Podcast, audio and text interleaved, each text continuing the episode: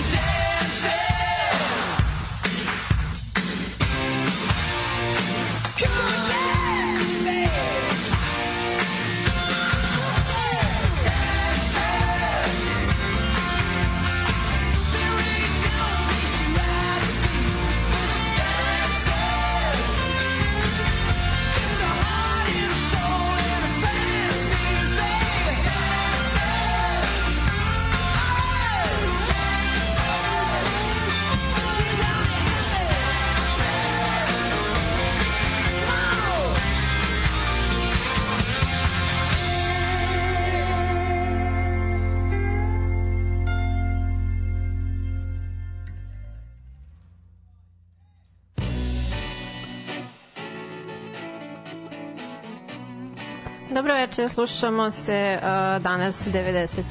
put.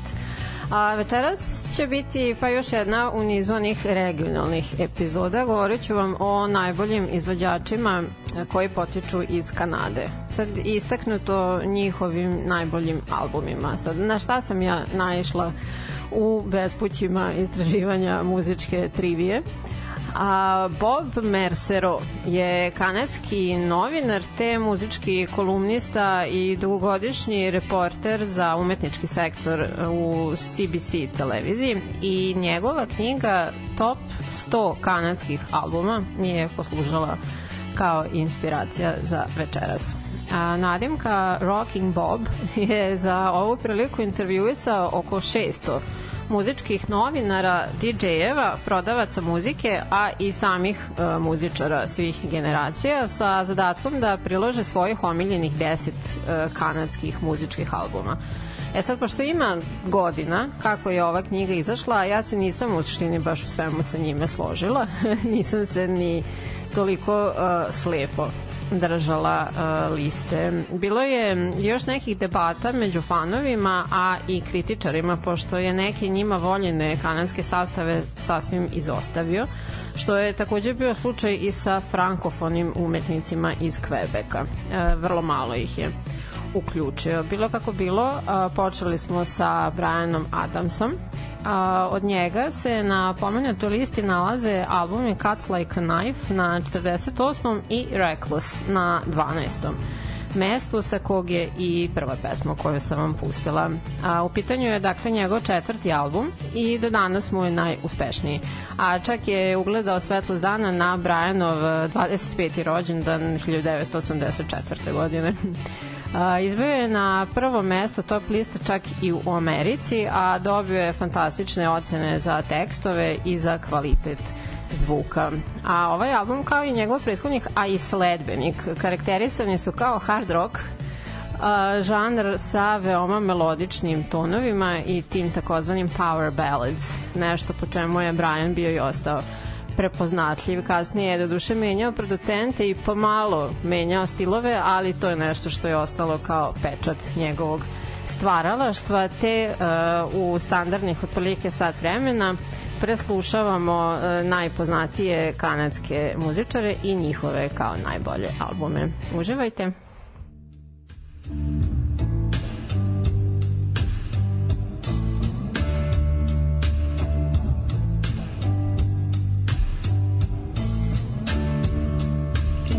to the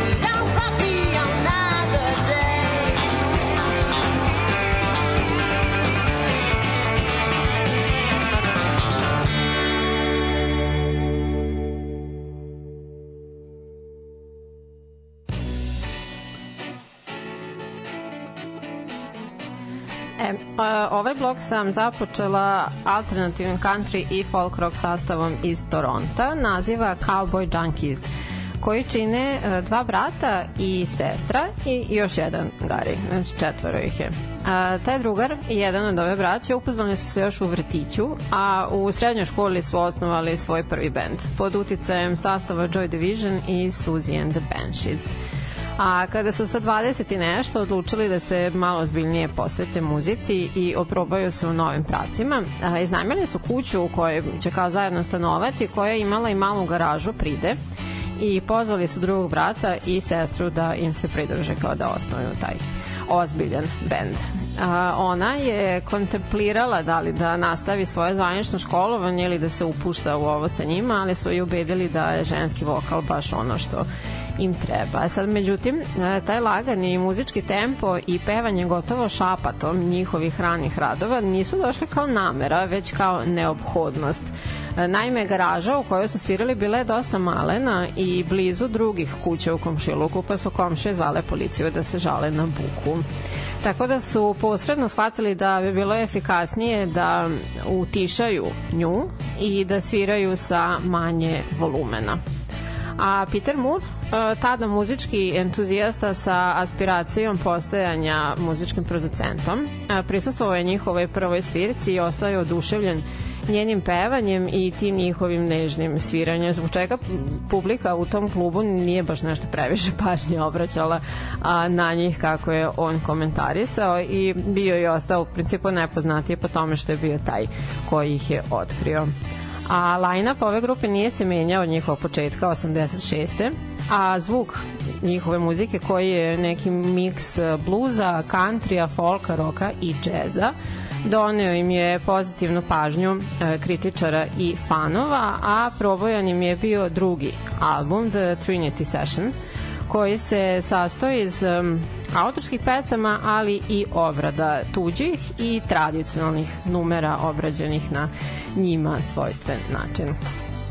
A zatim Bachman Turner Overdrive uh, su osnovala takođe trojica braće i još jedan njihov drug i to 1973 u toj postavi oni su objavili dva prilično uspešna albuma kada je e, Tim Bachman, jedan od braća, napustio grupu i zamenjen je drugim gitaristom i tada nastaje e, fantastičan i zaista njihov najpopularniji album Not Fragile. Randy e, Bachman je u vezi sa ovim nazivom ispričao da mu je zvučalo dosta čudno da jedna kao rock grupa upotrebi pridev Fragile u naslovu albuma kao što je učinila grupa Yes e, tri godine ranije. On je dakle smatrao da muzika njegovog benda može da bude kao ili ispuštena ili šutnuta bez da se razbije i zato je, ali naglašavajući da nema nikakvih skrivenih komentara o progorog sastavu Yes, nazvao ovo ostvarenje Not Fragile. A fanovi ovog sastava, nešto slično, ali poput Kiss Army i Deadheadsa, nazivaju se Gearheads, što je izvedeno iz logoa grupe koji se sastoji iz um, zupčanika. E sad Randy, frontman generalno, je li imao neka svoja religijska uverenja i neka pravila koje ih insistirao da se svi momci prodržavaju, a to je bilo da nema droge, cuge i izvanbračnog seksa tokom turneja. A Tim Bachman je kršio svako od ovih regulativa, pa su mu tražili da napuste grupu, zbog toga je otišao. Ono što je bilo konstantno kod ove grupe je da su oni izbacivali po dva albuma godišnje, mesto jednog albuma na svake dve godine, recimo kao što je bila praksa kod ostalih muzičkih sastava i dosta vremena su provodili na putu. Pa im je kroz nekoliko godina to sve dozlogrdilo. A uz to kritikovani su da su dva albuma posle Not Fragile zvučala potpuno isto, a nisu mogli da se dogovore oko nekih inovacija. Tako da su se zvanično različili 80. Međutim, već 83. su se regrupisali i sad ono godinama premenjivim sastavima su svirali i snimali do 2000 18. uz uvek prisutno rivalstvo među braćom, a e, Not Fragile postava se u celosti prvi put okupila 2014. kada su indukovani u Canada Music Hall of Fame. I na kraju smo čuli pevačicu koja uh, se nije našla na onoj listi koju sam vam pomenula na početku, ni kao solo umetnica, ni sa svojim indie rock sastavom The New Pornographers a sad meni se dosta dopala, pa sam je ubacila. U pitanju je uh, Nico Case. Piše se Neko, smešno je, ali kao izgovore se ni, Nico, valjda. Um, ona je Amerikanka po rođenju, a Ukrajinka po poreklu. A u Kanadu je došla zbog školovanja i tu se oprobala u muzici. Najpre u lokalnim punk bendovima u Vancouveru a kasnije je u svojim solo vodama to bilo u okviru country i rockabilly žanra uz uglavnom sobstveni materijal ali je rado radila obrade i drugih muzičara poput Vejca, Dilana, Younga i grupe Queen. Ona posjeduje veoma snažan, a netreniran kontraalto, koji uh, opisuju epitetima kao što su bacač plamena i vokalni tornado koji može da izmesti građevine.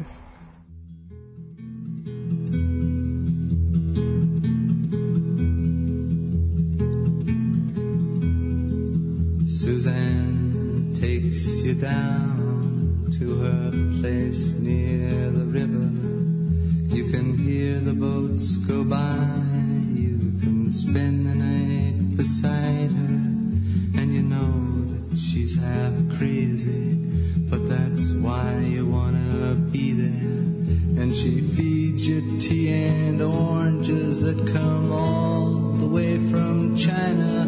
And just when you mean to tell her that you have no love to give her, then she gets you on her wavelength. And she lets the river answer that you've always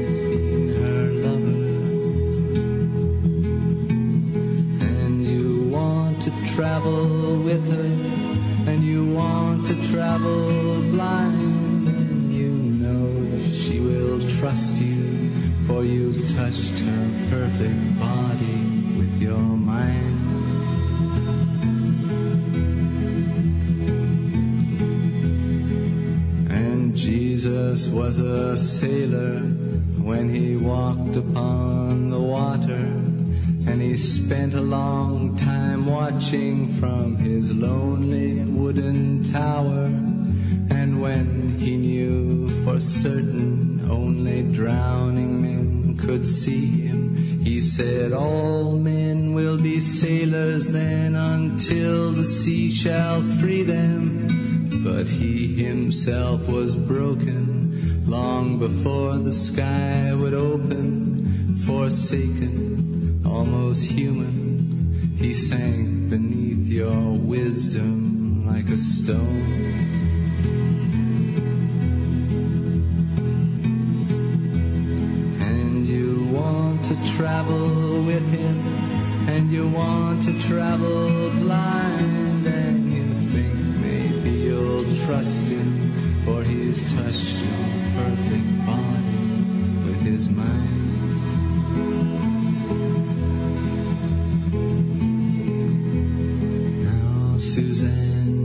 takes your hand and she leads you to the river. She is wearing rags and feathers from Salvation Army counters, and the sun pours down like honey on Our Lady of the Harbor. And she shows you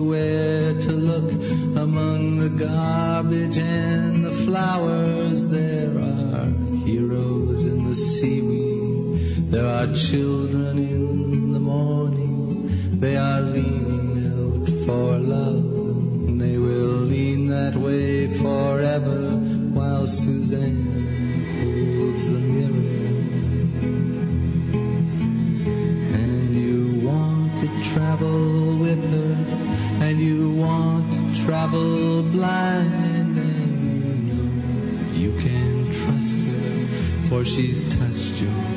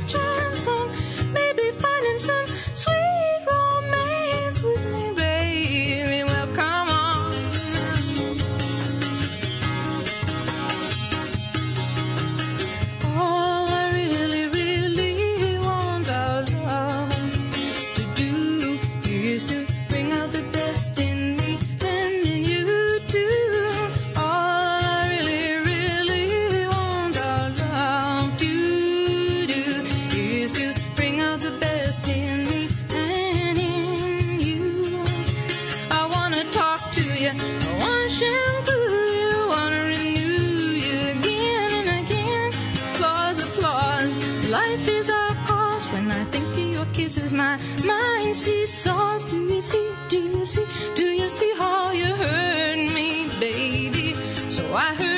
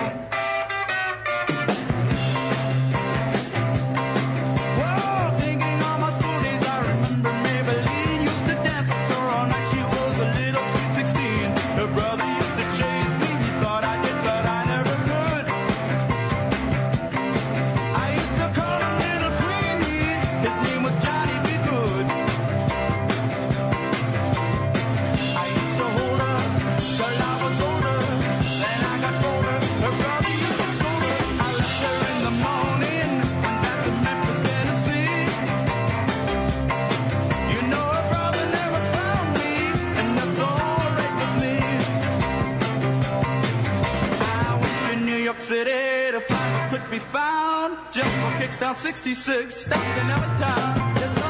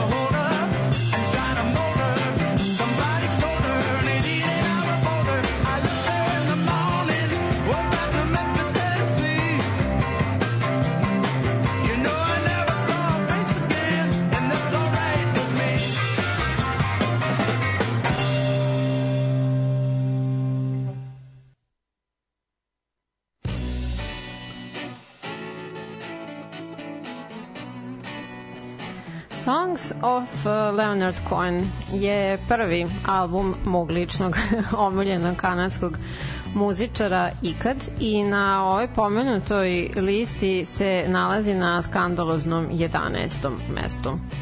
A, prisutan je na toj listi od najboljih 100 još njegov uh, treći album Songs of Love and Hate sa kog je vrlo malo falilo da vam pustim famous Blue Raincoat, ali sad ne bi imalo smisla da drugi put ovde plačem za mikrofonom dok vam pričam, a jednom smo to već preživeli u 59. epizodi koja je bila posvećena samo njemu.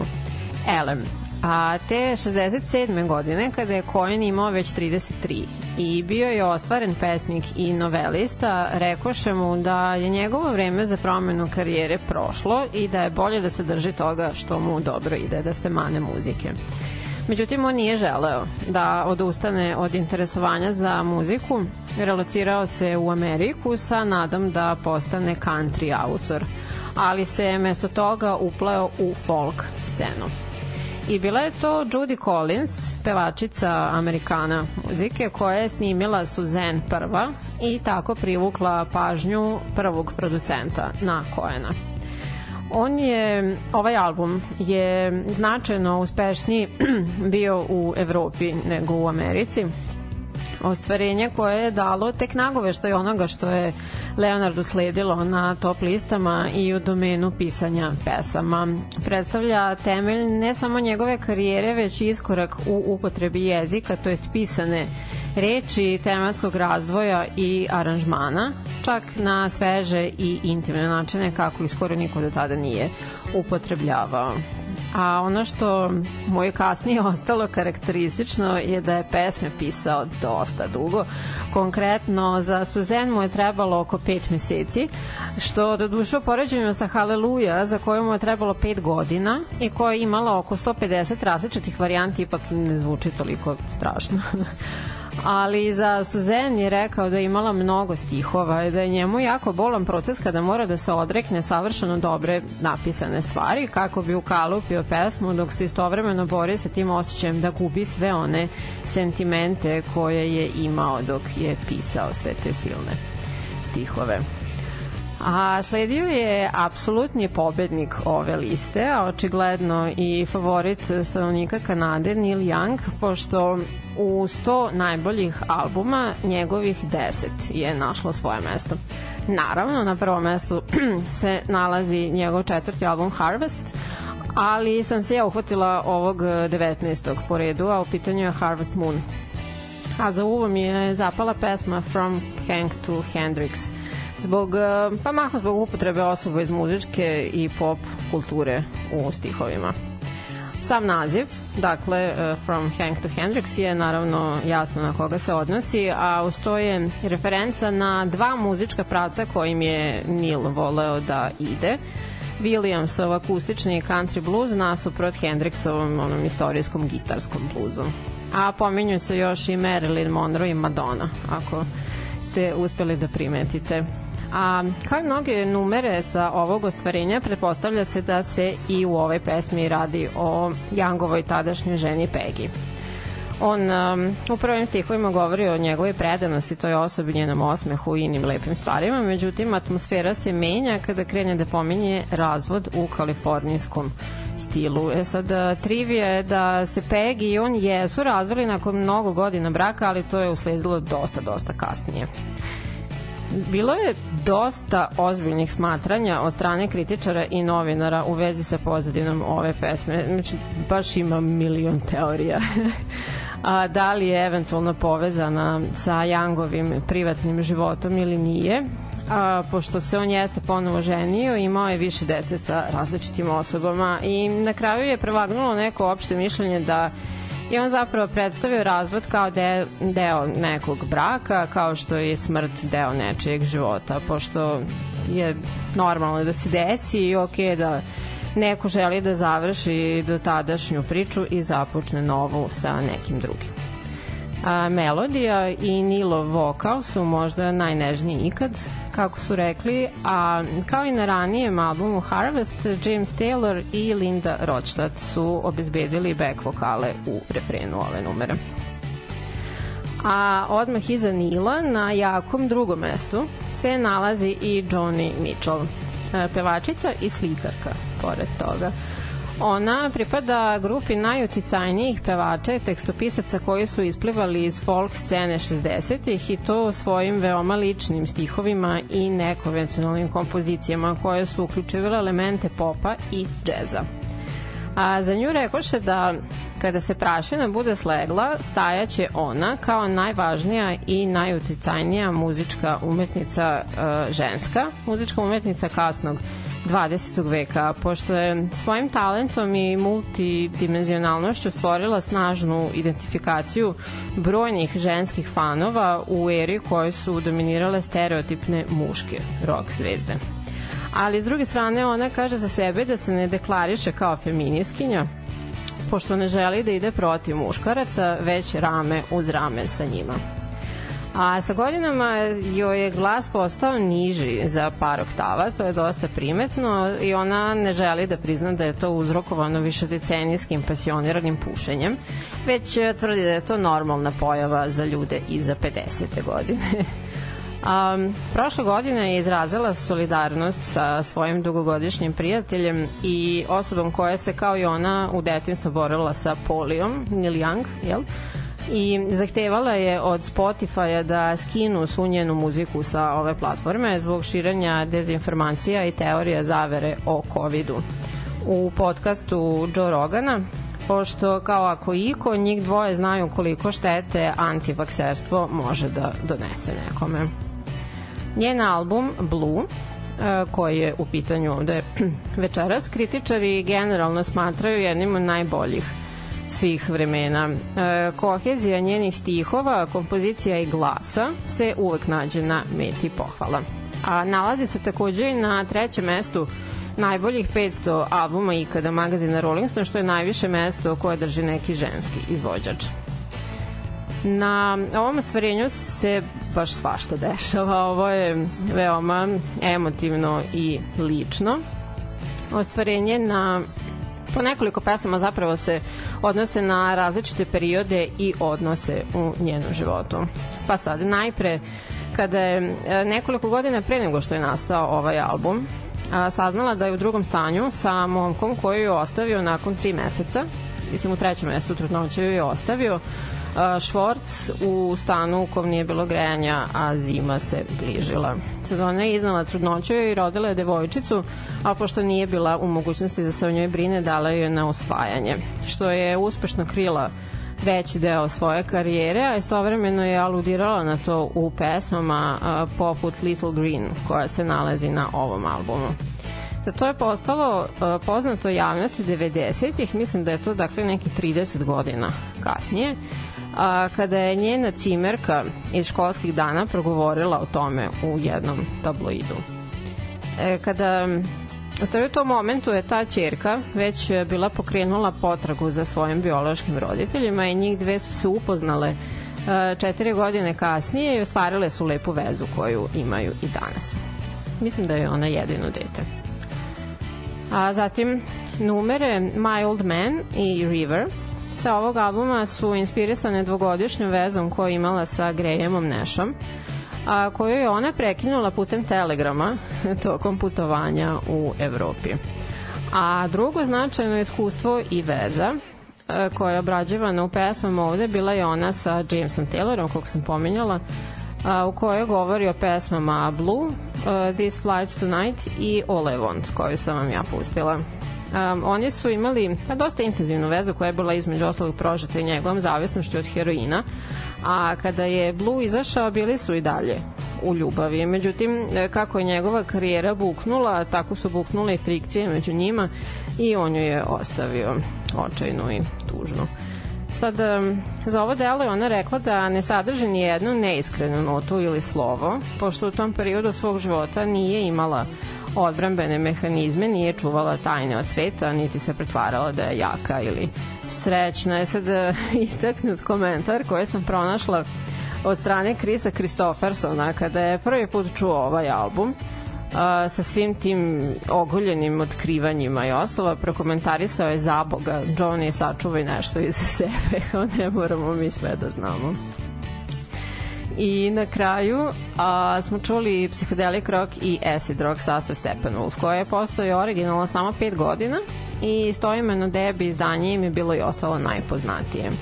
A do toga je došlo makom zahvaljujući pesmama Born to be Wild i The Pusher, koje su se pojavile u kultnom ostala sam bez instrumentala, a, koje su se pojavile a, u kultnom a, filmu Kontrakultura Easy Rider sa Peterom Fondom i Denisom Hopperom. A od tada se te dve pesme konkretno povezuju blisko sa motociklističkom kulturom i prvim predstavljanjem termina heavy metal u okviru muzike. E sad u ovom slučaju to nije bilo veze sa muzikom, nego baš nešto u vezi sa motorima u stihovima, ali opet nema veze, ta krilatica se prvi put tada pojavila. Um, oni su se kao grupa najpre zvali The Sparrows, te su promenili ime prema romanu Hermana Hesea. E, doživjeli su značajan svetski uspeh još tokom vakta grupe, ali velika neslaganja karaktera članova dovele su do razlaza. A od 80-ih na ovamo John Kay, koji je bio frontman, je održavao inkarnaciju zvanu John Kay and Steppenwolf, a interesantno u vezi sa ovom kasnijom inkarnacijom grupe da su pozvani da sviraju u rodnom mestu Hermana Hesea u regiji Baden-Württemberg na internacionalnom Herman Hesse festivalu, što im je donalo finu medijsku pažnju, a svi tamo prisutni su ostali oduševljeni kada im se Kej obratio na tečnom nemačkom, budući da je rođen i odrastao u Nemačkoj, ali taj podatak ono malo kome je bio poznat.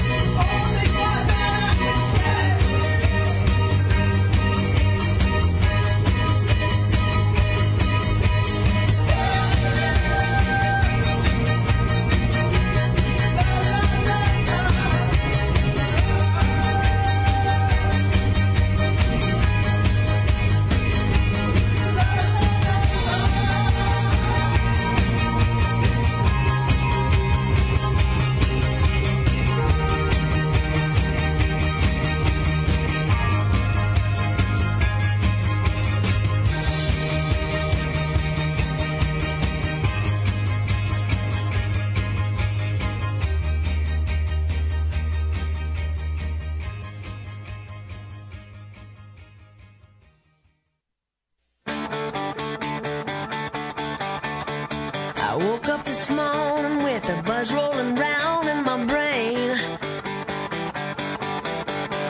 I haven't been drinking, but it feels pretty good just the same.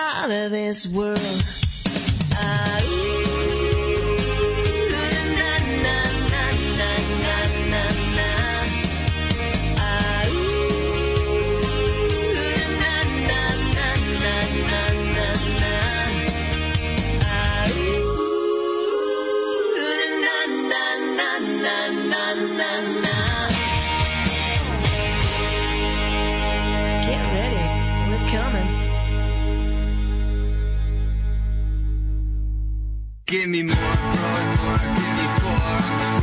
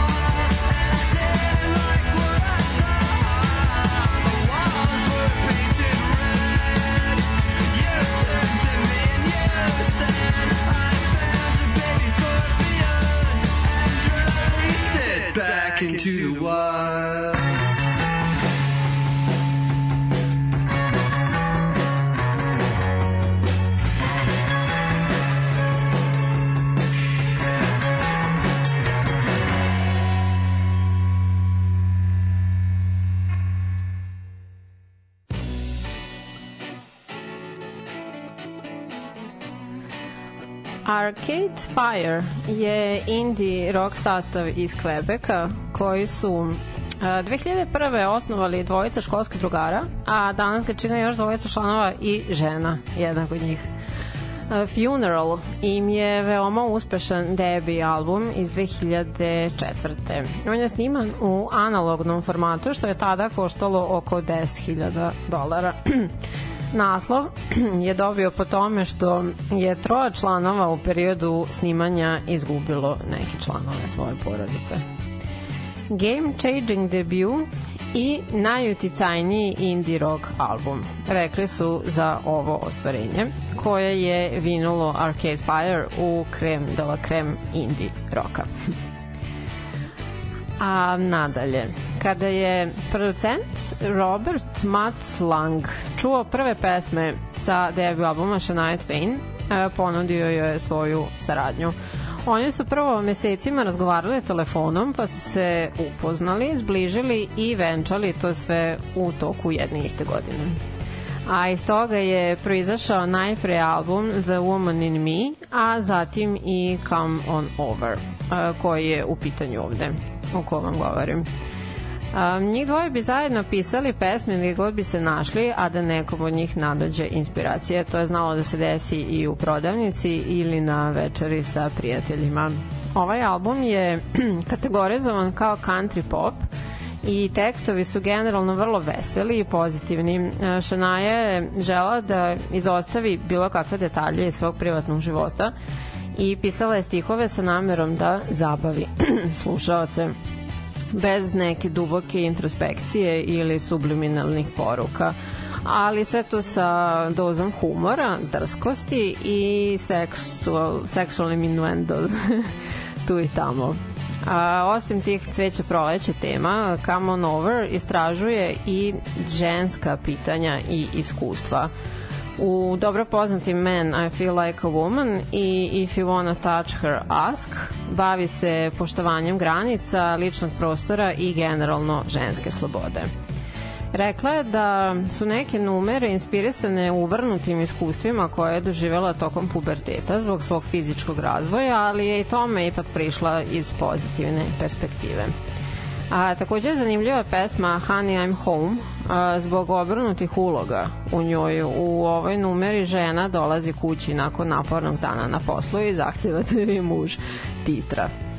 A, na ovaj njen crossover iz countrya u pop rekli su da je u Nešvilu pločnik posut kostima muzičara koji su pokušali da pređu iz countrya u pop muziku što im je dokrećalo karijere ali da bi Shania mogla da bude prvi izuzetak. Ona je bila pionirka tog noviteta što je kasnije drugim ženama iz sveta muzike olakšalo stvar, na primer uh, Carrie Underwood i Taylor Swift. Njena karijera je nadalje nastavila fino, a što se tiče braka sa Langom, on je potraja 15 godina, nakon čega se on spetljao sa njenom najboljom drugaricom, to jest e, zbog toga su se i razveli. A onda se Šanaja udala za bivšeg muža te drugarice. Neki dve godine kasnije, čini mi se. Ona je pasionirana vegetarijanka i veliki fan hokeja na ledu. I na kraju čuli smo Kiwi Junior, u pitanju je mlad indie rock band iz Toronta. To jest, oni potiču sa nekog malenog ostrava a, u okviru države Kanade, ali su se preselili u Toronto i tu im je krenulo. Tom nekom veselom college pop e, muzikom pomešanom sa romanticizmom velikog grada i stihovima o žurkama i čudnim prijateljima sa mladalačkim humorom. Svi imaju tam 20 i neku godinicu i do sada su objavili tri albuma i nema apsolutno nikakvih informacija o njima, tako da je to sve što ću vam reći i time a, završavamo večerašnje druženje. Hvala vam na slušanju, možete me podržati na patreon.com kroz večerna škola, ako preferirate opciju PayPal možete me cimnuti privatno pa ću vam reći. A, slušamo se sledećeg utorka ponovo, imaću nekog svojevrsnog gosta, tako da a, pratite nas. Ćao!